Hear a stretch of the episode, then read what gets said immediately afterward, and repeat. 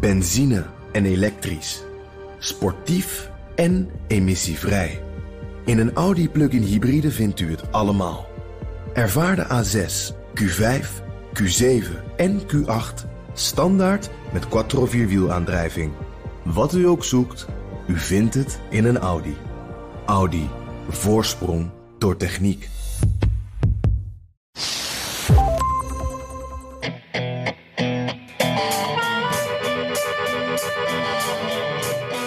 Het impeachmentonderzoek gaat van achter gesloten deuren, maar voor de camera's. Maar wie profiteert daar het meest van? De Democraten of toch president Trump? Welkom bij de Amerika-podcast. Mijn naam is Bernard Hammelburg vanuit New York. Ja, en ik ben Jan Posma in Washington. Uh, en dat is de stad die zojuist de World Series heeft gewonnen, Bernard. En uh, de Yankees die waren al eerder uitgeschakeld. Dat is toch jammer? Ja, dat is jammer. Hoewel ik... Uh, de, de familie Hammelburg in New York is meer een Mets-fan. En dat is best een leuk verhaal. Want de, de, nou, de Mets die, die, die waren al, die hebben helemaal niet meegedaan aan die World Series. Maar dat, dat, dat, is, dat is toch meer een beetje de club van de... De underdog, hè? Van, ja, van de gewone mensen.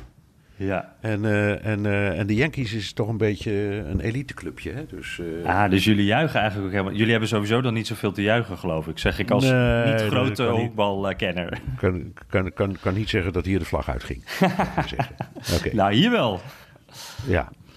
nou goed, in elk geval heel leuk. de Yankees hebben al 27 keer die World Series gewonnen. Dus het is, het is wel een geweldig team hoor trouwens. Ja, jullie mogen wel vaker juichen dan wij, ja. Zo is dat. Maar goed, eh, verder is dat natuurlijk, het zijn dagen, weken, maanden vol impeachment. Even jouw week, Jan. Wat heb je meegemaakt? Ja, ja voordat we inderdaad helemaal losgaan op die impeachment, wat natuurlijk alles domineert, uh, wilde ik je toch nog even wat anders vertellen. Ik ben uh, afgelopen week naar Centerville geweest. Dat ligt in Maryland. Dat is hier niet ver van Washington, iets van anderhalf uur rijden. En dat is een van de zwaarst getroffen gebieden van, van de opiatencrisis. echt, echt letterlijk iedereen die ik daar sprak, die kende wel iemand die aan een overdosis was doodgegaan. Die kende wel iemand die verslaafd was. Dus het is echt de, een klein stadje, dorpje eigenlijk, wat zwaar geraakt is. En daar was ook een haunted house georganiseerd. En dat is uh, ja, hier een uh, soort traditie hè, rond Halloween, een soort spookhuis wat dan wordt opgezet. Maar, en dat is eigenlijk voor, gewoon voor plezier dus. Maar dit Haunted House had als doel uh, mensen te helpen uh, die een drugsverslaving hebben. En ook mensen te waarschuwen. En die organisator die, die vertelde me van waarom hij dit gedaan had. Die zei van ik ben mijn broer verloren. ik ben mijn zwager verloren. En ik ben twee ooms kwijtgeraakt door drugs. dus dat is echt hoe, zwaar die impact daar is. En hoe hopeloos die situatie ook is. Um, en ja, ze speelden daar in dat Haunted House na wat er precies gebeurt als je verslaafd raakt.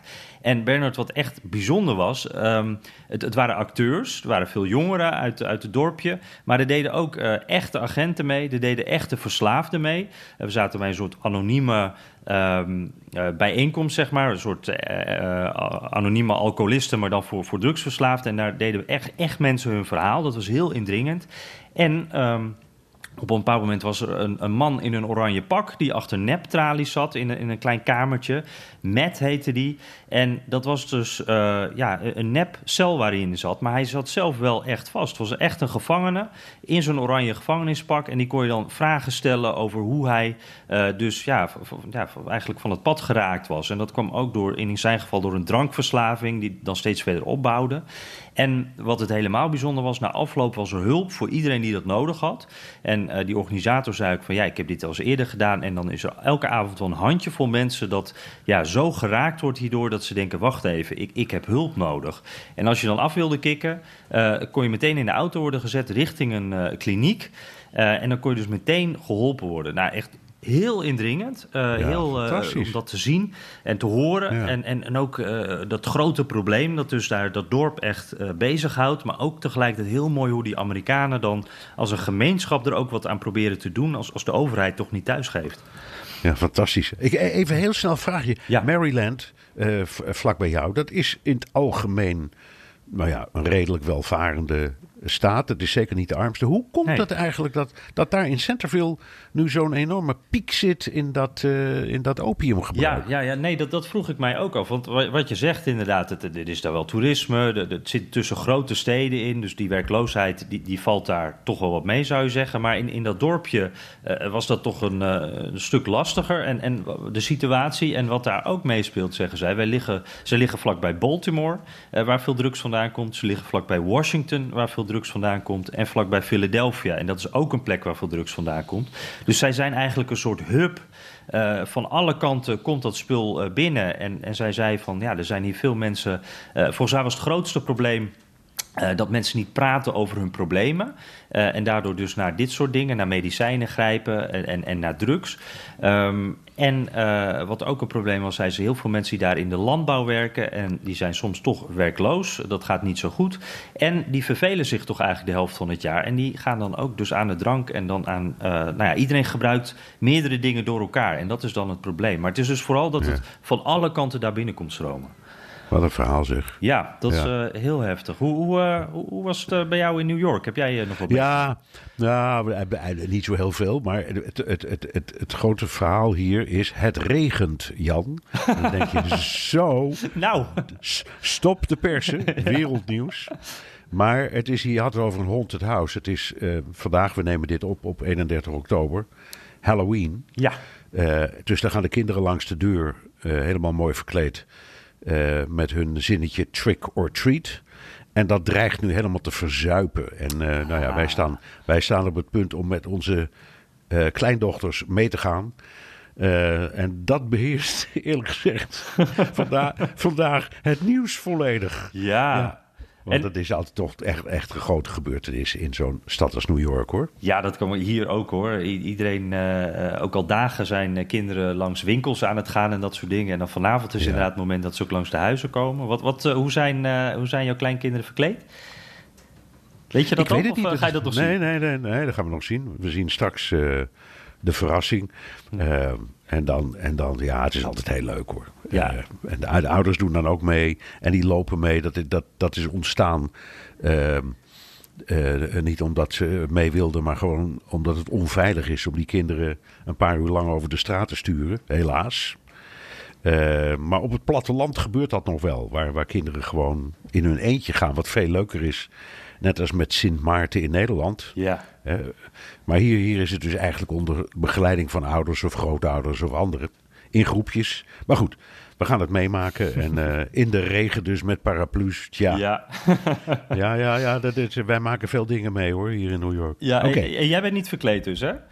eh, dat ben ik altijd, Jan. Oh, Ja, ja. Als journalist. Ja, Ja. ja. Met zo'n met zo'n bordje pers op mijn hoed, weet je wel. ja, ja, ja. Op, mijn de, op mijn deukhoed. Oké, zullen we praten over de impeachment? Ja, moet toch Eh, maar, hè? Ja, dat moet. eh, op het moment, moment dat we dit opnemen, staat het Huis van Afgevaardigden op het punt om te stemmen over impeachment. Zet Jan nog eens even op een rijtje wat er nou allemaal gebeurt. Wat betekent dit? Ja, eh, dit, is de eerste stemming over impeachment. Dat maakt het al bijzonder en historisch ook eigenlijk. Die Republikeinen die wilden al veel eerder dat er gestemd zou worden over, eh, over impeachment. Maar eh, nou ja, de Democraten die waren wat terughoudend. Nu is dat moment al gekomen. En ze gaan nu stemmen over eigenlijk de regels voor de volgende fase. Dus we hebben nu dan de eerste fase. Daar zitten we eigenlijk nog een beetje middenin. En die zal waarschijnlijk ook nog wel een week, misschien een paar weken duren. Dat weten we nog niet precies. Maar dat is de fase van onderzoek achter gesloten deuren.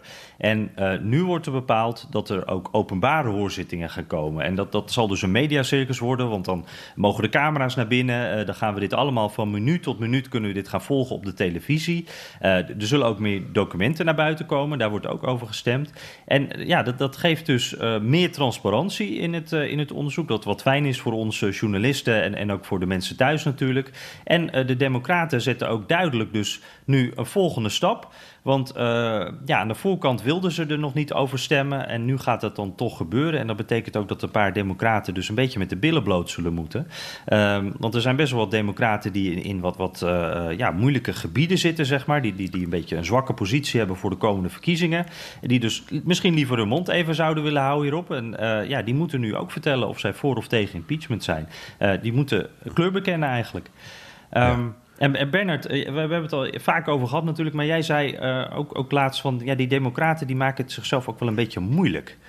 Ja, dat, dat, dat vind ik echt. En kan ik ook wel uitleggen. Ehm, je zegt heel terecht, lang niet alle democraten zijn voor uh, een impeachmentprocedure. En wat we tot nu toe meemaken is een voorronde. Hè? Dit is de opmaat naar een eventuele impeachment. Dus het zogenaamde onderzoek wat nu speelt. En dat gaat dan voor een deel achter gesloten deuren. Dat geeft dan ook weer allerlei gedoe. Gaan we direct nog wel even over praten. Mhm. Maar het is een opmaat. Op het, kijk, die twijfel binnen de partij die is er niet voor niets. Dat is niet, denk ik uh, omdat niet de meeste democraten vinden dat Trump echt zijn boekje te buiten is gegaan en daarvoor moet worden aangepakt. Maar omdat ze weten dat uiteindelijk de kans dat ze het halen, dat de president wordt afgezet, heel gering is. Mhm. um, en op het moment dat je zo'n onderzoek begint. En dan moet je al heel goed denken van ja, nou kan ik eigenlijk niet meer terug. Want gesteld dat dat onderzoek had uitgewezen dat er toch niet echt heel veel gronden zijn om Trump te vervolgen. Ik noem maar wat. Dan, dan, dan hadden ze dus met, met al die herrie die ze nu maken, moeten terugkeren op hun schreden. Nou, dat kan je niet maken. Dat is een politieke afgang van je welste. Dan word je echt hmm. van alle kanten uitgelachen voor, eh, door Trump voorop en terecht. En dus kunnen ze niet anders. Ze dwingen zichzelf nu om in die impeachment-affaire te gaan. In de wetenschap dat ze die alle waarschijnlijkheid uiteindelijk gaan verliezen. Dus dat is een hele lastige positie. En eentje waar, denk ik. Ehm, eh, de president en de zijde met enig genoegen naar kijken. Want de, de Democraten vallen. Het klinkt allemaal wel heel stoer hoor, al die beschuldigingen. Maar uiteindelijk is er een redelijke kans dat ze in hun eigen zwaard vallen. Nou, mhm. dat is voor een politicus altijd rampzalig. Zeker omdat het een verkiezingsjaar is en je wijst er heel terecht op. Al die uh, leden van het Huis van Afgevaardigden, die staan allemaal, uh, die worden allemaal gekozen. Alle 435 zetels. Dus in elk van die districten is een gevecht gaande. En in die districten zijn de mensen ook vaak helemaal niet zo voor uh, die impeachment van de president. Dus mhm. ze zitten in een heel moeilijk pakket. Het klinkt allemaal heel stoer. Maar volgens mij zitten ze zelf ook met geknepen billen. Ja, en die, die impeachment, dat is natuurlijk ook gewoon een paardenmiddel. Dat is uiteindelijk uh, iets waar niemand mee wint. Want het, is iets waarmee de, de, eigenlijk de democratie een beetje onder druk wordt gezet. Het is echt een soort, soort uh, ja, laatste ingreep die je eigenlijk nooit wil doen. Hè? Dus, nee. uh, nou ja, ja, En er is ook, er is, er is, dat moeten we blijven zeggen, nog nooit een president van de Verenigde Staten afgezet. Hè? Ja. Er, zijn, er zijn maar twee impeachment-procedures geweest. één tegen meneer Johnson in de 19e eeuw en één tegen Bill Clinton in de 20e eeuw. Uh, in de 20e eeuw was er ook uh, een opmaat naar een impeachment tegen Nixon. Maar die heeft op het moment dat uh, die, de zogenaamde articles voor of impeachment werden geformuleerd. Dus de echte aanklachten in het Huis van Afgevaardigden heeft hij besloten om af te treden. En uiteindelijk is het dus nooit wat, wat gebeurt. Nee. En, dan, en, dan krijg je, en dan krijg je dat, dat, ja goed, nu als je kijkt naar wat er allemaal gebeurt hè, met die, die opmaat, dat zijn dus hoorzittingen achter gesloten deuren. Dat geeft ongelooflijk veel gedoe. De Republikeinen zijn daar woest om. Uh, de leider van de Senaat, dus de belangrijkste Republikein Mitch McConnell, die heeft ook gezegd ja, dit is helemaal geen eerlijk proces. Want het gaat achter gesloten deuren. En wat er gelekt wordt, uh, dat is alleen maar materiaal dat de Democraten goed uitkomt en de Republikeinen niet. Dus ja, mm uh, gedoe. Ja, ja, en inderdaad, dat is wel uh, interessant. Want die, die, die, Republikeinen hebben dus eigenlijk uh, steeds gezegd van we moeten, die deuren moeten open, er moet meer transparantie komen. Um, en en dat, dat, dat, dat, ja, dat eerlijke proces, dat is ook wel. Want die Mitch McConnell en, en ook alle andere Republikeinen, die allemaal heel erg veel kritiek hebben op deze procedure, die zeggen altijd inderdaad dat, dat lekken. En daar zit op zich wel wat in, denk ik. Want er komen inderdaad eh, selectief verhalen naar buiten. Alleen zeggen die Republikeinen dan ook allemaal dat dat komt bij de Democraten vandaan. En dat, dat is dan weer wat moeilijker te onderbouwen. En je zou kunnen zeggen: dit is een beetje een koekje van eigen deeg misschien. Want de Republikeinen uh, die brachten met het Muller-rapport ook steeds selectief dingen naar buiten. Dat was dan niet lekker, dat deden ze via de officiële weg, omdat het ook natuurlijk Bar was hun minister van Justitie, dus dat konden ze ook zo doen. Maar zo bepaalden ze eigenlijk het verhaal al voordat het echte rapport naar buiten kwam. En democraten ja, doen dat een beetje hetzelfde. Die proberen al dat verhaal neer te zetten. En ik snap het wel, ik snap wel dat die republikeinen daar, daar boos over zijn eigenlijk. Ja, nou laten we, laten we even gewoon om, je, om het je voor te stellen. Er zijn hoorzittingen door commissies. Die zijn achter gesloten deuren. Dat is eigenlijk al een beetje in strijd met de traditie van een democratie. Want parlementaire zittingen zijn openbaar. Dus het is al gek. Uh, de commissie die ze er nu over buigt, doet dat dus achter gesloten deuren in een kelder zonder ramen. Ga ze maar door. Maar daar zitten de Republikeinse leden van die commissie wel bij. Het is niet zo dat de Republikeinse Partij in totaal uit wordt gesloten.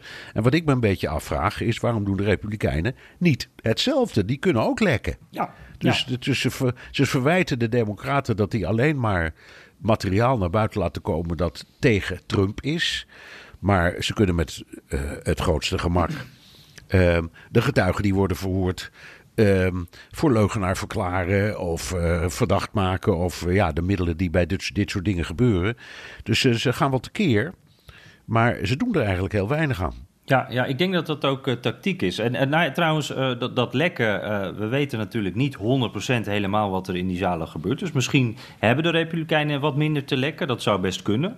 is er wat minder positiefs te melden over hun zaak? Maar goed, dat, is, dat weten we niet. maar ik denk ook dat het tactiek is, want je ziet eigenlijk dat die Republikeinen het alleen nog maar over dat proces hebben. Hè? dat is ook de, de, beslissing die deze stemming moet worden genomen. Dat gaat ook over het proces, over, over wat gaan we nu doen, op, op wat voor manier. Uh, maar het enige waar zij kritiek op hebben is van hoe de Democraten het doen, hoe zij het aanpakken. Uh, maar ze willen het eigenlijk amper over Trump zelf hebben, over de inhoud van wat er uit die hoorzittingen komt. En volgens mij is dat afgesproken werk. Hebben zij bedacht, uh, wij gaan gewoon die Democraten aanvallen op hoe zij het aanpakken. En dan laten we de inhoud laten we wel eventjes links liggen, want daar kunnen we denk ik op dit moment nog niet zoveel mee als Republikein. Nee, het zou, zou, het zou heel goed kunnen. En het is geen slechte tactiek hoor, want op het moment dat dit, ik maar zeggen, in de openbaarheid komt. Uh, en het worden officiële impeachment hearings. Wat dus moet leiden tot uh, een lijstje onderdelen van een echte aanklacht. Dat heet dan de Articles of Impeachment. Dat is allemaal openbaar. En dat gebeurt allemaal in een verkiezingsjaar. -hmm. um, en als ze uh, het handig spelen, en dat kunnen ze, uh, dan wordt hun frame, moet je eens kijken wat uh, een onvoorstelbare hoeveelheid onrecht en flauwekul over deze president wordt uitgestort. Uh, Trump is zelf, nou ja, de koning van uh, de smerige tweets en mooie scherpe teksten en veroordelingen en scheldnamen van alle, alle mensen die daar een hoofdrol spelen. Hmm. Um, dus het, je zou best eens gelijk kunnen hebben als ze nu niet te veel over de inhoud praten, die Republikeinen, en het gewoon een beetje laten gebeuren. Hè? En het komt allemaal, zoals je net al zei, allemaal op de televisie en iedereen kan dag in dag uit gaan meekijken. Dan weet ik helemaal niet of het zo slecht is voor de president omdat heel veel mensen dan zullen zeggen: ja, zeg, jullie zijn daar wel bezig met spijkers op laagwater zoeken.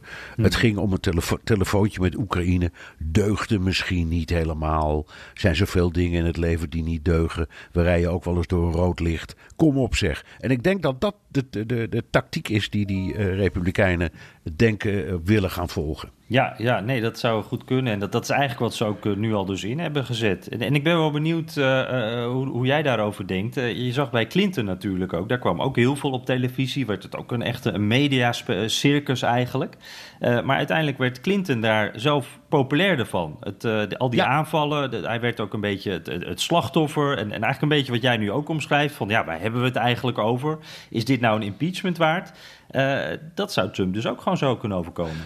Ja, ik, uh, je, je, je kunt zeggen uh, dat in de twee gevallen in de 20e eeuw die speelden, Nixon en Clinton, dat allebei is gebeurd. Het vooronderzoek naar Clinton en het vooronderzoek naar Nixon was ook achter gesloten deuren. Dus op zichzelf is dat niks bijzonders.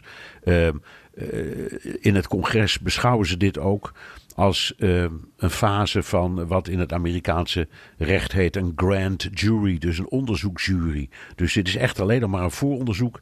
Dat, de, dat gaat over de vraag: zou er een reden zijn om een echt onderzoek in te stellen? Hè?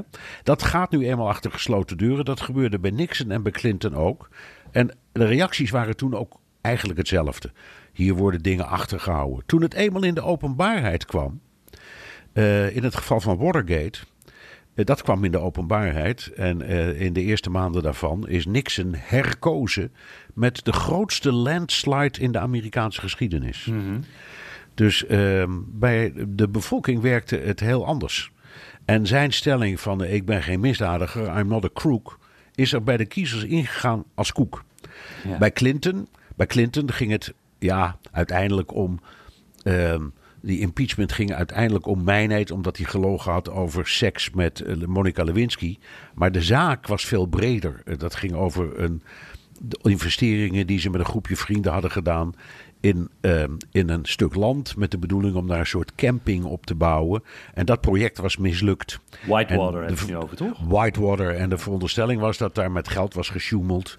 Omdat daar een paar uh, hypotheekbankjes aan meededen die in surseance van betaling waren. En dat zou betekenen, dat ze overigens echt wel een misdrijf hoor, dat noemen ze geloof ik flessentrekkerij, maar dat er geld zou zijn onttrokken aan, uh, aan bedrijven die al failliet zijn. Hmm. Daar ging het onderzoek over.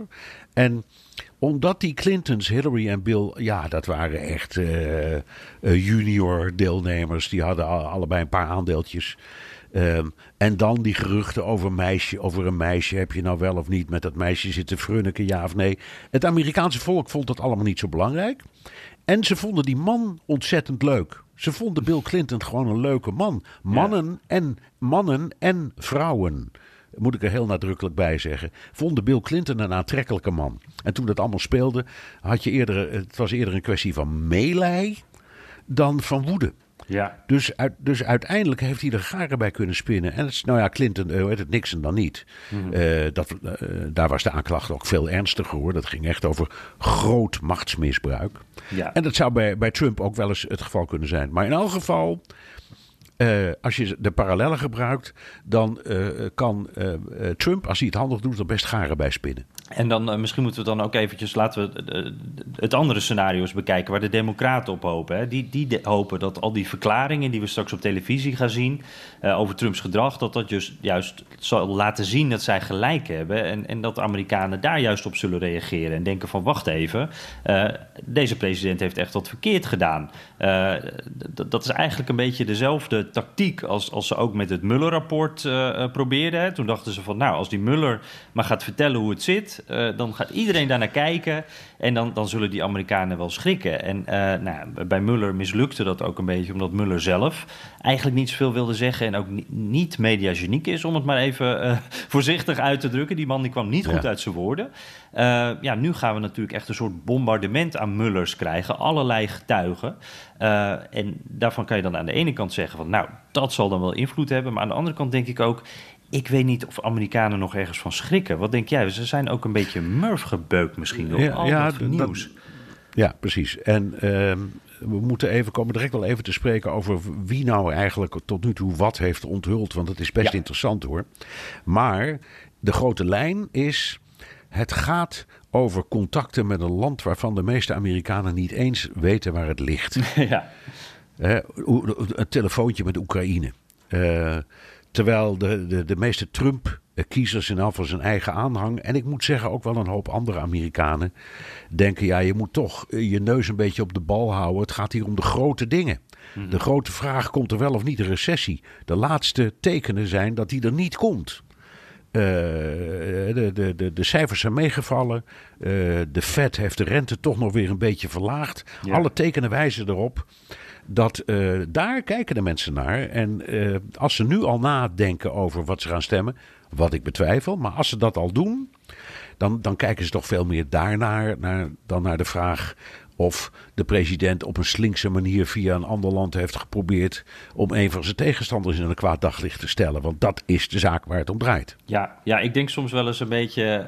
Uh, dit, dit is, ik vind het leuk om dan in metaforen te denken. Ik denk dan soms wel eens van: dit is een beetje alsof je een voetbaltrainer ontslaat uh, vlak voor het kampioenschap om iets wat niet met het voetbal zelf te maken heeft. Om, om iets wat wel ernstig is, maar niet met die wedstrijden te maken heeft. En ik denk dat dat veel Amerikanen ook voelen. Van wacht, moeten we nu onze trainer op laten stappen... Terwijl we nog steeds uh, kans maken op die grote prijs. En, en, zonder die trainer, ja, wat zijn we dan nog? Dat wil eigenlijk ja. uh, bijna niemand. Dat, nee, ja. nee. Nee, en, en, en, en dat, dat Clinton, dat, of dat Clinton, dat uh, Trump natuurlijk in deze omstandigheden zegt: jongens, dit is een headset tegen mij. Ja, dat, daar is wel wat voor te zeggen, want het is het per definitie. Uh, de vraag is of het klopt of niet. Maar goed, dat hij dat zo vindt, dat vind ik eigenlijk best logisch. Mm. En dat heel veel Amerikanen vinden, ja, er zit ook wel wat in. Ze moeten, ze, ze moeten het ook wel altijd op hem hebben. Er is een hoop Trump-bashing in dit geheel. Mm -hmm. uh, en daar hebben ze ook een punt. Ja, ja, ja. Ja zeker. Het is, uh, ja, er is heel veel wishful thinking. Dat zie je ook wel uh, bij democraten, ook wel in media. En uh, nou ja, gewoon de mensen die, die niet van Trump houden, die, die zien het wel als een momentje van... nou, dit moeten we grijpen, ja. deze kant. Nou, nou even terug naar jouw redenering. Hè. Het kan ook best zijn dat het wel serieus aanpakt. Vertel even heel kort, wie hebben we tot nu toe gehoord? Ja. En, en, wat, en wat zeggen ze? Ja, ik, uh, ik zat er een paar die, die mij in ieder geval, of die ons eigenlijk ook opvielen. Uh, de eerste is Bill Taylor. Dat vond ik echt, uh, dat vonden wij volgens mij allebei wel, hè? De, de spectaculairste. Um, ja. Dat is de, de interim ambassadeur, noem ik het maar even, van Oekraïne. En hij bevestigde eigenlijk alles wat de klokkenluider zei. Uh, Trump die wilde alleen een afspraak met die president Zelensky en wilde alleen die 400 miljoen aan uh, militaire hulp geven. Als Zelensky in het openbaar zou zeggen dat hij Biden en de Democraten zou onderzoeken. en dat was wel echt een omslagpunt dat deze man dat in die hoorzitting zei. Dus dat was echt een, een, belangrijke, waarbij echt iedereen even opkeek van wacht eventjes, nu wordt het zo gezegd, dit is belangrijk. Um, ja, en een, en een carrière-diplomaat met 50 jaar ervaring. Ja. Die hier dus voor uit zijn pensioen was gekomen. Dat is echt niet iemand. Dat is echt niet iemand die zich voor wiens kar dan ook laat spannen. Ja. Dus dat, dat, dat was inderdaad heel spectaculair. Ja, want hij is volgens mij uh, toen hij echt. Uh, hij is nu interim dus, maar toen hij echt ambassadeur van Oekraïne was, is hij volgens mij door Bush uh, junior, denk ik, aangesteld. Misschien was het zijn, een van de Bushes.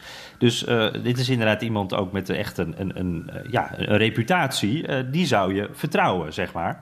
Dus dit kwam echt hard aan. Um, en dan? Ja, uh, Gordon Sondland wil ik ook eventjes noemen. Want dat was de man die eigenlijk het meest positief uh, getuigde voor Trump. EU-ambassadeur, was een geldschieter voor de Trump-campagne... en kreeg, zoals dat zo vaak gaat in Amerika... kreeg daar dus een ambassadeurspost voor terug. En hij zei dat hij eigenlijk niets wist van alle onrust... over die quid pro quo, hè, over dat voor wat hoort wat, die, die 400 miljoen. En het interessante bij die Sondland is... Trump die, die noemde hem ook vaak van... nou, zie je wel, er is niks aan de hand... Maar andere getuigen, waaronder die Bill Taylor dus, die spreken hem dus nu tegen. En die zeggen ook dat ze wel degelijk een zorg hebben geuit, dat ze dat ook met die Taylor hebben besproken. Uh, dus die Taylor die, die komt een beetje alleen te staan in zijn getuigenis. En uh, onder andere was er bijvoorbeeld een, een sms'je naar Bill Taylor, waarin deze Zondland zei dat uh, Trump geen quid pro quo wilde. Nou, Trump die refereerde daar ook later aan van, nou kijk, in dat sms'je heeft deze ambassadeur gezegd dat er niks aan de hand is.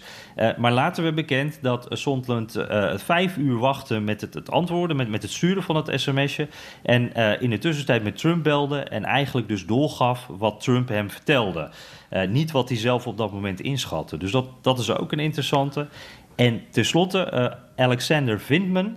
Uh, dat is de, een van de meest recente uh, grote getuigen. Dat is een man die zit in de Nationale Veiligheidsstaat, dus hoog in de boom in het Witte Huis, een gedecoreerd militair. Um, als je meer over hem wil weten trouwens en, en, wat er allemaal rond hem speelt nu, dan luister even De Wereld terug, het programma van Bernard, waar we het er ook over hebben gehad, ook te luisteren via podcast. En hij bevestigt eigenlijk ook dat quid pro quo verhaal.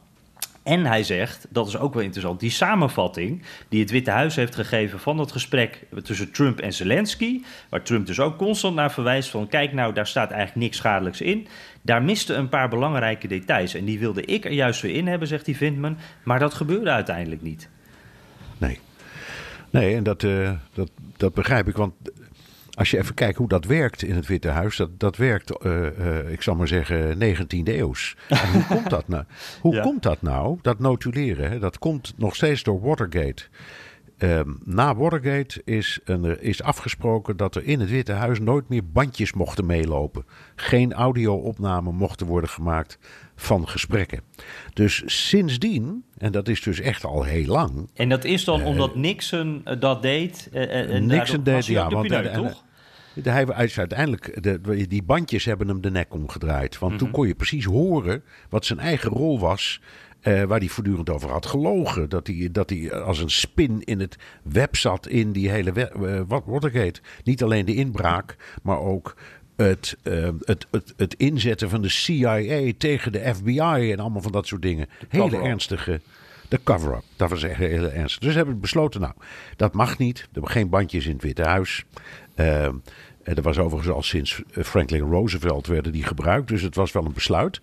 Uh, dus we gaan weer gewoon op zijn ouderwets meeluisteren. Dus als hij een telefoongesprek voert, dan zit er een groepje mensen uh, officieel, er is niks geheimzinnigs aan, mee te luisteren naar dat gesprek. En die zitten met een pen en papier aantekeningen te maken. En daar maken ze dan notulen van. Een transcriptie. En ja, dat is net per definitie altijd een beetje een samenvatting. Het is nooit helemaal verbatim, woord voor woord uh, opgeschreven. En daar ontstond dus deze discussie over. Uh, dat die Vindman zei: Ja, maar wacht even, ik zat er zelf bij. Ik heb mee zitten schrijven. Er ontbreken enorme stukken. Ja, dat kan gebeuren in dit systeem. Het is ook echt voorwereldlijks. ja.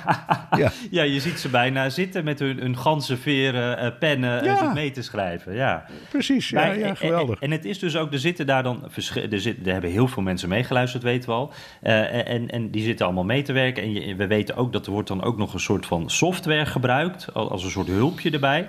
Maar jij zegt ook eigenlijk die samenvatting, dat is dus altijd iets subjectiefs ook. Want dat is wat deze mensen denken dat het belangrijkste is. Ja, per definitie subjectief, want het wordt niet woord voor woord opgenomen en uitgetikt. Wat zou kunnen. Uh, en overigens, dat, die, die, die, samenvatting, die wordt dan. Uh, die wordt inderdaad ingetikt op een computer en die komt op een speciale server. in dit geval was dat er eentje die maar voor heel weinig mensen toegankelijk was. Dat is ook expres zo gedaan door Trump Mhm. Om zo min mogelijk mensen te kunnen laten meekijken. En dat maakt het extra pikant. Want de mensen die zo, die zo iemand als Vindman hoorden wel bij het groepje dat mocht meekijken. Dus uh, nou ja, dat is echt heel spannend. En misschien ook wel uh, juridisch gezien echt een heel kritiek moment in deze hele procedure. Mm Ja, ja, dus dit zijn dan een beetje uh, de, de bandjes, zijn dan hier de, de getranscribeerde ja, oh ja stuk. Nou ja, en, en, waar we allemaal natuurlijk uh, naar uitkijken is uh, jouw grote vriend Bolton. dus, ja. die, die, die is opgeroepen. Ja, ja de man met de snor, hè, waar ik het inderdaad graag over heb. Ja, ja die, die, die, die zit toch met zijn edele delen voor het blok, ja, klopt. Ik denk dat hij het zelf iets minder netjes zou zeggen. maar hij is, uh, ja, dat, ja dat, dat is ook iets waar we natuurlijk allemaal naar uitkijken. Die Bolton die is opgeroepen. was natuurlijk de nationaal veiligheidsadviseur van Trump. Dus nou, over hoog in de boom gesproken, uh, is een tijdje geleden uh, ontslagen. Uh, Trump die wilde hem niet meer. En van hem, echt een explosieve man is dat. Hè? Iemand die altijd zegt wat hij denkt. Um, en van hem wordt gezegd dat hij de Oekraïne-afspraken eerder heeft vergeleken met een drugsdeal. Uh, zo noemde hij het, waar hij niks mee te maken wilde hebben. En hij noemde bijvoorbeeld ook Giuliani, Rudy Giuliani, de persoonlijke advocaat van Trump, die, die de speel is eigenlijk in het ja, schaduwbeleid voor Oekraïne. Alle dingen die, die, die rond die Zelensky en, en, en, Trump en zo werden geregeld, zeg maar, daar was hij de go-to guy bij. die noemde Bolton een, een, handgranaat. Iemand die elk moment tot ontploffing kon komen en dan waren ze allemaal de pineut. dus het is heel spannend om te zien, ten eerste, gaat die Bolton komen? Nou, ze hebben al gezegd, als we niet een dagvaarding krijgen, dan komen we niet. Nou, die democraten gaan dus een dagvaarding uitschrijven en, en dan zullen we zien wat er gaat gebeuren. Of hij inderdaad komt en wat hij wil zeggen. En dat wordt heel moeilijk in te schatten, denk ik. Want die Bolton, die is alles wat je ziet, hij is boos over wat er gebeurd is. Is boos dat hij uit dat Witte Huis moest. Uh, we weten ook dat hij een boek aan het schrijven is. Uh, dus dat suggereert dat hij wel zijn kant van het verhaal wil vertellen. Hij wil natuurlijk vooral zijn eigen straatje schoonvegen. Maar de vraag is, gaat hij dan ook, uh, ja, gaat hij Trump daar ook bij impliceren? En dat is nog maar eventjes de vraag, want dat weet je niet, ja. Bolton. Wat denk jij ervan? Um, ik denk dat hij dat niet doet. Uh, en ik denk dat dat boek ook breder is dan alleen maar deze periode in het Witte Huis. Mm -hmm. Omdat hij natuurlijk al heel lang meeloopt en dan wel heel vaak uh, wel aan de ene kant invloed heeft gehad op het, op, de, op het politieke discours. En tegelijkertijd in het centrum stond van alle mogelijke controversies. Dus hij heeft een hoop te vertellen. Ja. Niet, alleen, niet alleen maar die korte periode waarin hij veiligheidsadviseur van Trump was. Dus ik, ik denk dat hij dat het ook een opmaat is voor, ja, hij moet ook aan zijn carrière denken. Voor de lezingen die hij gaat houden, voor de televisieoptredens die hij nu al doet. Uh, want er zit natuurlijk, dus ik denk dat hij niet in het openbaar. Hij gaat waarschijnlijk hiervan zeggen: dit deugde niet, dit had Trump niet moeten doen. Ik heb er ook tegen gewaarschuwd. Uh, maar dat wil niet zeggen dat je die man in één keer weg, weg kunt gooien. Wat een flauwekul. Ik mm-hmm. denk dat dat zijn, uh, zijn inzet wordt. Ja, dat, dat, zou, dat is wel een hele mooie oplossing natuurlijk voor hem ook. Want dan kan hij en zichzelf distancieren en, en vrij uitgaan... en toch niet voor grote problemen zorgen. En wat je zegt, hij, hij wil ook nog verder. Het is niet een echte Trumper.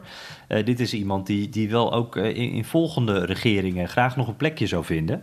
Ja. En ook zijn consultantwerk. En hij heeft lang voor Fox ook gewerkt. Hè? Dus ja, veel... nou, ik, ik, ben heel benieuwd. Uh, het wordt ook wel spannend. Uh, volgens mij is dit nog in de oude uh, hoorzittingenreeks. Dus dit zou nog achter gesloten deuren zijn.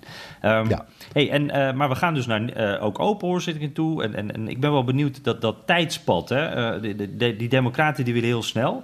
Die willen eigenlijk voor Thanksgiving, dat is 28 november, willen zij al hun zaak rond hebben. Nou, dat is al over een maand, minder dan een maand. En dan willen ze voor de kerst eigenlijk al stemmen in de Senaat. Ik, ik dat, Bernard, dat is toch, toch eigenlijk onmogelijk. Volstrekte onzin. Gaan ze helemaal niet halen.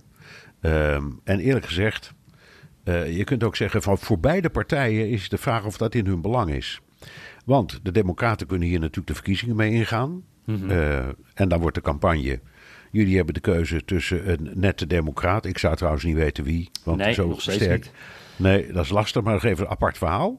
Uh, maar je kunt kiezen tussen iemand uh, die aan de fatsoenlijke kant van het leven staat, of, of deze uh, straatvechter met zijn dubieuze vastgoedachtergrond. Um, en je kunt een heel seizoen lang kun je ook zien hoe ongelooflijk smerig die man is. Want dus het, het, het hiervan is helemaal niet slecht. Hetzelfde kun je zeggen voor de Republikeinen. Want als die ervan uitgaan dat er geen redelijke democratische tegenstander is, dan is dit als het ware één grote reclamespot voor de president. Mm -hmm. Dus, dus aan, alle, aan beide kanten is er uh, aanleiding om te zeggen: we rekken het een beetje. Ja. Ik, geloof helemaal, ik geloof helemaal niet in de zin van die haast. In elk geval niet politiek. Nou, ik, ik, interessant wat je zegt. Ik heb dan zelf het, het, gevoel, als je ook zoals jij dit nu uitlegt, dat het dan toch meer in het voordeel van de Republikeinen dan van de Democraten is om het te rekken. Ook omdat uh, ja. die, die, Democraten die hebben nog steeds niet een eigen verhaal. Hun verhaal is nog steeds niet Trump. Uh, en ja, dat blijf je dan houden natuurlijk. Hoe lang ja, deze helemaal mee eens. Ja. En, ja, en nog wat, en nog wat. Ja. Uh, Trump is natuurlijk in, met deze hele affaire ingeslaagd om zijn enige echte tegenstander, Joe Biden, af te branden. Mm -hmm. Want er staan, er staan nu allerlei verhalen in de media dat, uh, dat zijn sponsors uh, de kraan dichtdraaien. En uh, nou ja, goed, hij, bij de, in de sympathie van de kiezer is hij nog niet helemaal weg. Maar ik denk, ja. dat, hij, ik denk dat het afgelopen met hem is. Ja. En dan, houdt, dan houdt, Trump dus alleen maar tegenstanders over... waarvan die in afval volgens zijn eigen uh, strategie gemakkelijk kan winnen. Ja, ja. Dus, uh, dus je hebt gelijk. Ik denk dat dit allemaal in het voordeel is van de Republikeinen. Ik had trouwens, uh, ik kwam een uh, mooi artikel tegen van Axios. Dat is zo'n politieke website, die jij ook kent natuurlijk. En dat, dat is even in verhouding hoe snel die democraten nu willen. toen Nixon, toen dat onderzoek liep, toen duurde het 599 dagen... Uh, na, de inbraak van, uh, de, de, de, na de inbraak in Watergate dat dat onderzoek kwam. Dus uh, bijna ja. dat is twee jaar. Bij Clinton was dat 260 dagen dat, dat het duurde tot het onderzoek kwam... vanaf de eerste berichten over dat hij een verhouding had gehad. En bij Trump zit er tussen het moment dat die klokkenluider kwam... en het onderzoek maar 11 dagen. Dus dat is echt ja. gigantisch. Tuurlijk, ja. Dus het, is, het is niet realistisch. het gaat lang duren... Nogmaals, allebei de partijen kunnen daar hun voordeel uit halen. En ik ben het met jou eens. De Republikeinen hebben gewoon een slag voor in dit geheel. Nou, hebben we elkaar toch weer gevonden, Bernard. Moeten we nog even over dat andere grote nieuws hebben? Baghdadi. Ja, Baghdadi, ja. Uh, geliquideerd, dat is het woord. Uh, En uh, ook groot nieuws, laten we eerlijk wezen. Dat, het was net toen als met Osama Bin Laden. Hè, Trump zei het wel op zichzelf wel goed hoor. Het is alsof je zelf deelneemt aan een ontzettende spannende speelfilm. Daar, daar zaten we allemaal middenin. En hij zeker. En het is groot nieuws. En de vraag is hoe belangrijk het is. Omdat iedereen zegt, ja, er komt wel weer een andere leider. Maar goed, ervan uitgaande dat Amerikanen het belangrijk vinden om uh, roverhoofdmannen om te leggen. Hebben ze hun zin gekregen. Uh, wordt gewaardeerd door vriend en vijand.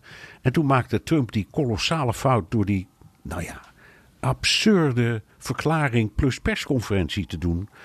Waarin hij de meest bizarre dingen zei, vol leugens. Wat, wat was het gekste dat, je, dat jij gehoord hebt, waarvan je echt even van je stoel viel? Uh, het gekste vond ik misschien wel uh, het feit dat hij zei dat hij Osama bin Laden en diens ja. daden bij 9-11 had voorspeld met naam en toenaam. En zei hij dan erbij, ja, ja dat, uh, dat weet niemand. Niemand had ooit van die man gehoord. En daar heb ik nooit enig uh, uh, credit voor gekregen. Maar goed, daar ben ik aan gewend. Ja. zoiets van. maar ik als genie had het allemaal voorspeld. Nou, ja. dat is volstrekte leugen. Hij heeft inderdaad een boek geschreven. waarin een, een, een serie gevaarlijke groepen en mensen wordt opgenoemd. Daar staat Osama Bin Laden ook wel bij. Maar ze, ze waren die man al jaren op het spoor. Al de regering Clinton was in de jaren negentig al op jacht naar hem. Ja. Um, dus uh, dit is volstrekte uh, flauwekul. En het is typerend voor Trump. Dus als je, als je nog even wacht, heeft hij Napoleon ook verslagen. ja, ja, Of er in ieder geval al over geschreven en, voordat en, die man en, en dat is en dat is jammer en dom, want hij had hier echt een groot moment. En als hij heel simpel voor de camera was gestaan, gaan staan met de feiten. Dit is er gebeurd, we zijn daar heel trots op. We danken iedereen die heeft meegedaan. De honden, uh, bondgenoten, uh, landen waarvan je niet altijd denkt dat ze met ons meewerken, maar nu toch wel. Dat zou een prachtige tekst zijn geweest. Ja. En uh, dit is, een, dit is, een goed, dit is een goed, goed nieuws in de strijd tegen terrorisme. en God bless America. Dan was hij op het schild gehezen. Ja, zeker. en, en die kans heeft hij laten lopen. Ja, ik, ik zat, jij zat ook, we zaten natuurlijk allebei te kijken. En dan um, uh, dat moment, je ziet het ook gebeuren. Want het, het, het begint dan ja. nog... Uh, ja, Trump heeft natuurlijk zijn eigen toon, dat is ook goed. Dat, dat, dat, dat zo is hij echt. Uh, maar in plaats van dat hij een, een statement houdt van drie minuten. Wat zijn voorganger Obama deed toen Osama Bin Laden werd uh, geliquideerd. kiest hij er dan voor om, om, daarna nog vragen te beantwoorden. En dan weet ja. je ook, en ik denk ook dat zijn communicatieteam dan ook een beetje moeilijk kijkt van, oh nee, hij gaat het doen. En het heeft geloof ik uiteindelijk drie kwartier geduurd waarbij het over van alles ging. En uh, ja. Ja, daarmee heeft, ja, heeft het toch een beetje de kans laten liggen eigenlijk. Hè? Om, ja, om heel, heel, dom, heel dom om zo een geweldige gelegenheid zo uit de hand te laten lopen. En ja. Zoals het ook altijd gaat, Hoor jij er nog iemand over hier in Amerika? Over ja, deze affaire? Nee, inderdaad. Dat, dat, dat, het, is alweer uit het, het is alweer uit het nieuws, joh. Ja, en, en dat, komt, dat ja. is natuurlijk dat is de nieuwscyclus die, die ook mede door Trump en me, door media, social media. Dit, dit is de, de mediastorm waarin wij constant zitten hier in Amerika. Maar hij doet dat ja. zelf ook. Hè. Je denkt ook wel eens, die economie waar je het net over had. Het loopt zo goed al jarenlang. Uh, neem de tijd, uh, Donald Trump, om daarover te praten. Neem de tijd om het daarover te hebben. Het, het, ja. Uh, er zit, ja, op de, de, soms dan snap je het gewoon niet. Pak ook je overwinningen. En dan, uh, ja, dan zijn wij erover aan het praten. En dan denk je bij jezelf van, nou ja, dit had een positief verhaal voor, voor Trump kunnen zijn. Dat is het ook nog wel. Maar uh, ja, hij heeft het zelf toch uh, een beetje afgebroken. Een beetje, ver, beetje verknald, ja, vind ik ook. Ja, ja, ja. ja. Hey, mijn koffie is weer bijna op. En dat betekent dat we ook weer bijna aan het einde zijn gekomen. Moeten we nog even een paar luisteraarsvragen doen? Ja, graag. Ja, ik, uh, want uh, eentje, uh, heel leuk. Laurens Groeneveld, een goede bekende van ons allebei. Want, ja, werkt, onze, onze, onze, een van onze eigen redacteuren. Die, hij is nu even een tijdje weg, maar we hebben steeds contact met hem. Onvolprezen. En ja. die, uh, die kwam met een hele leuke historisch getinte vraag. Dus uh, uh, nou, dat vinden we allebei altijd interessant. En die vraagt van, komt er eigenlijk ook een soort McCarthy-moment in dit hele onderzoek? En dan verwijst hij naar Joseph Welch, de man die toen tijdens een van die hoorzittingen zei tegen Joe McCarthy, de, de man van de Red Scare en de communistenjacht in de jaren 50... Do you have no decency, sir? Ja, het is een prachtig moment. Uh, het staat gelukkig, uh, je kunt het op video terugvinden. Je kunt gewoon googlen. Uh, en het was eigenlijk na, na, een hele tijd die McCarthy, die, die haalde iedereen en alles daar maar in getuigenbanken. En dan moest je voortdurend met de omgekeerde bewijslast aan de slag. Je moest dus bewijzen dat je geen communist was, geen sympathie had voor het communisme en ga zo maar door. Wat op zichzelf al krankzinnig is, want waarom zou een mens geen communist mogen zijn? uh, maar het was, dat was toen zo. Um, en op, op dat moment zat er, ik ben vergeten wie, maar een, een, uh, een meneer in de beklaagde bank. Uh, en deze uh, Joseph Welsh was dienstadvocaat. Dus die stond hem bij tijdens die hoorzittingen. En die, die meneer die werd maar overstroomd met vragen waarvan je kon horen dat hij bij wijze van spreken niet eens wist waar het over ging. Hebt, u op, hebt u op die en die dag, op dat en dat uur getelefoneerd met weet ik wie? En je kon zien dat het allemaal onzin was. En toen stond die Welsh dus plotseling op en zei recht in het gezicht van Joe McCarthy: Have you no decency, sir? En vanaf dat moment was die hele McCarthy-periode plotseling over. Twee of drie dagen later was het allemaal gestopt. Die onderzoeken uh, stopten. Uh, mensen werden, voor zover dat op dat moment kon, gerehabiliteerd. Die hele toestand was achter de rug. Dus het is een hele goede vraag. Komt er niet iemand die tegen, Joe, tegen, tegen Donald Trump zegt: Have you no decency, sir? Of, uh, of, want ik weet niet wat Laurens precies bedoelde. Misschien bedoelde hij juist wel uh, richting de Democraten. Dat, uh, dat die het krijgen ook. van jullie proberen op allerlei manieren te pakken. Ja, dat kan. Het kan. Maar ik denk dat, die, ik denk dat Laurens, Laurens kennende, denkt... Die, die Trump heeft zijn goede kanten, en, maar hij um, gaat zo tekeer tegen iedereen en alles. Mm -hmm. uh, en hij schurkt voortdurend aan tegen dubieuze figuren en gedachten en ja. denkbeelden. Uh, het zit vaak dicht tegen racisme aan. Er moet toch iemand zijn uh, een doodgewone Amerikaan die opstaat en zegt: Meneer, dit, dit kan niet, dit zijn wij niet, dit moet afgelopen zijn. Ja, en wat dan uh, interessant is, denk ik, uh, wie gaat dat dan doen? wie heeft zeg maar de autoriteit om, dat, dat ook, om te zorgen dat dat ook echt impact heeft? En heeft het dan ook ja. echt die waarde? Want alles is natuurlijk zo gepolitiseerd. Um, ja, dit is ook een moment waarop congresleden zich straks kunnen laten zien hè, voor de camera's. ik ben belangrijk, kijk eens wat ik allemaal doe. een beetje grandstanding. Uh, ik, ik, ik, vraag me af of er iemand ja, is... Maar dit, ja? ja? maar dit was geen congreslid, hè? Dit was gewoon een advocaat, advocaat die bij, ja. zijn hoorzitting, bij een hoorzitting iemand uh, bijstond. Ja, maar niks ik, meer en niks minder. Maar ik vraag me dus af... Niemand, niemand, niemand had ooit van die man gehoord. Nee, tot, tot dat moment inderdaad. Maar ik vraag me dus ja. af of iemand die die brug zeg maar ook kan, uh, kan, kan, kan, leggen tussen de twee partijen... Dat, dat, dat, om in één zo'n opmerking ook aan beide kanten uh, de boodschap aan te laten komen. En dat, uh, daar ben ik wel heel benieuwd naar. Ik, zie, ik ja. zou niet weten of dat zou lukken in deze tijd. Nee. Hey, um, dankjewel in ieder geval, Laurens. Uh, ik heb nog een vraag uh, waar ik zelf niet helemaal het antwoord op heb. dus misschien, ik ben benieuwd of jij hem misschien weet. Hij kwam via Twitter van Mark van Heffen. Um, eh, dank daarvoor, Mark. Indien uit het belastingonderzoek van Trump onwettige zaken komen, dus dat is uh, het onderzoek wat er bijvoorbeeld in New York nog loopt, uh, bij de lokale rechtbank, zullen de Democraten dit dan toevoegen aan het impeachmentproces? Mag dat? En zo ja, zullen ze daar tactisch voor kiezen? Nou heb ik zelf het idee dat dat tactisch niet zo handig is, want hou het nou alsjeblieft even simpel. Maar ik heb eigenlijk geen idee tot, tot welk moment zou je dat kunnen doen. Ik denk dat het juridisch als volgt zit. Het loopt, de, deze zaak loopt inderdaad hier in New York voor een federale rechtbank. Dat gaat over corruptie en belastingontduiking en al dat soort dingen.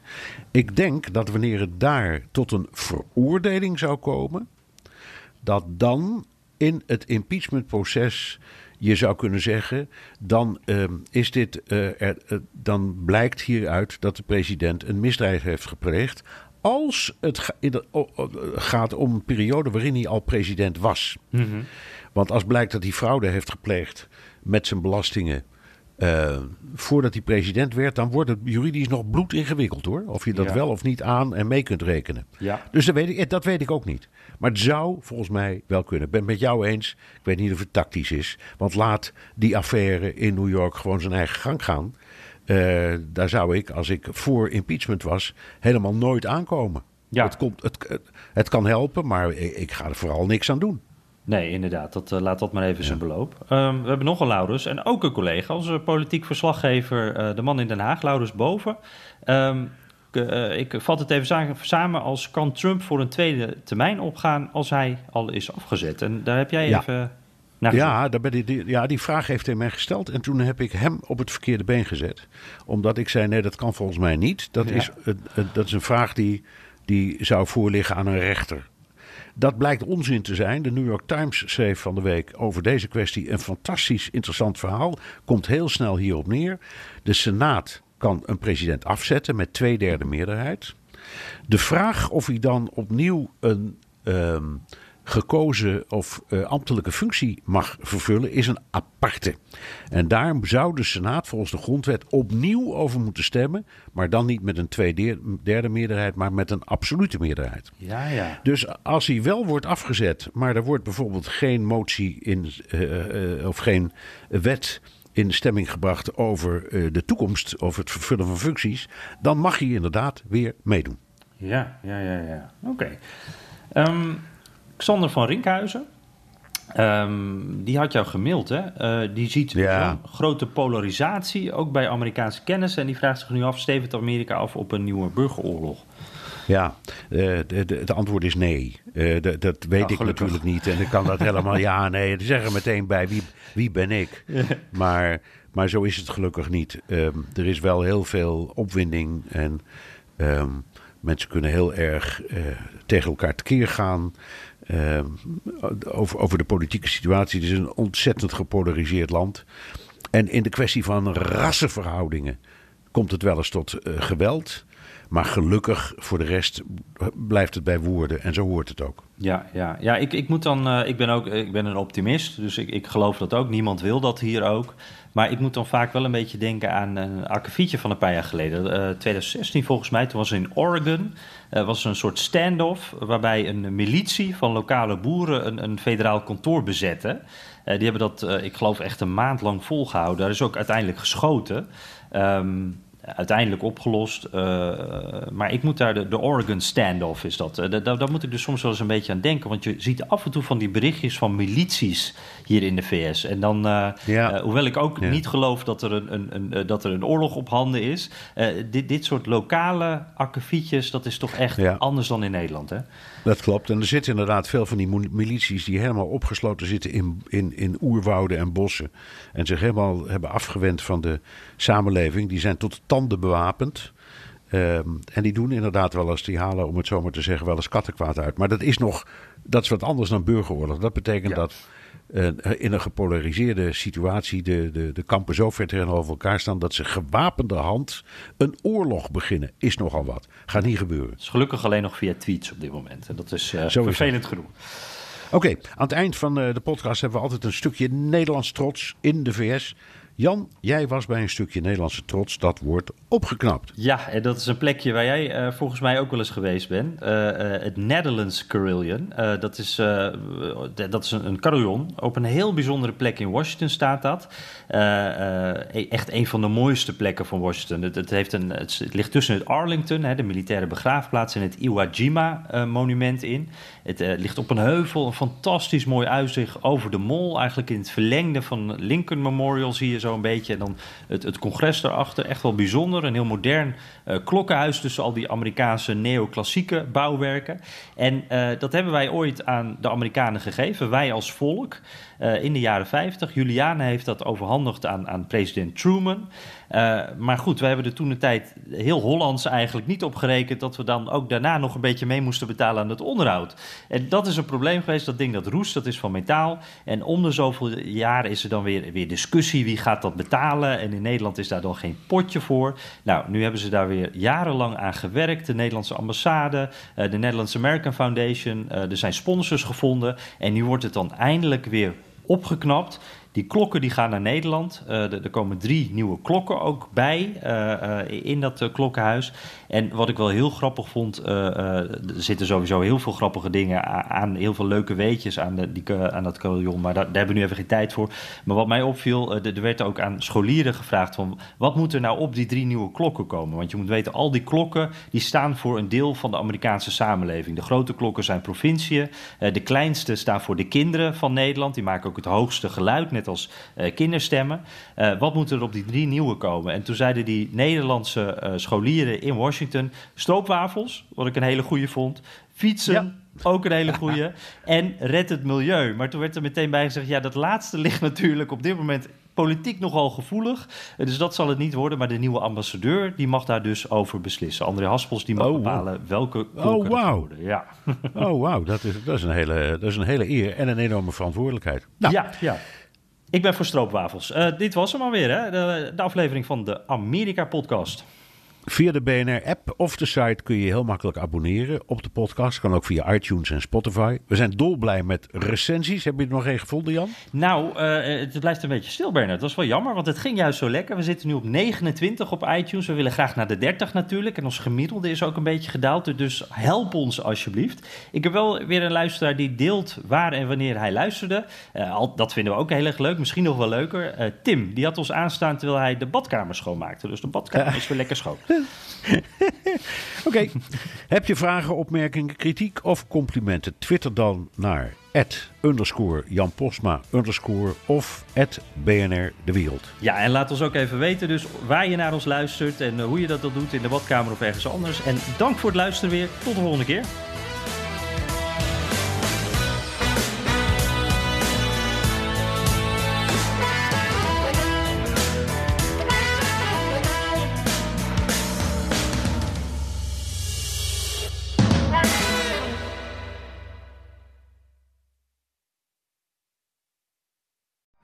Benzine en elektrisch. Sportief en emissievrij. In een Audi plug-in hybride vindt u het allemaal. Ervaar de A6, Q5, Q7 en Q8 standaard met quattro vierwielaandrijving. Wat u ook zoekt, u vindt het in een Audi. Audi. Voorsprong door techniek.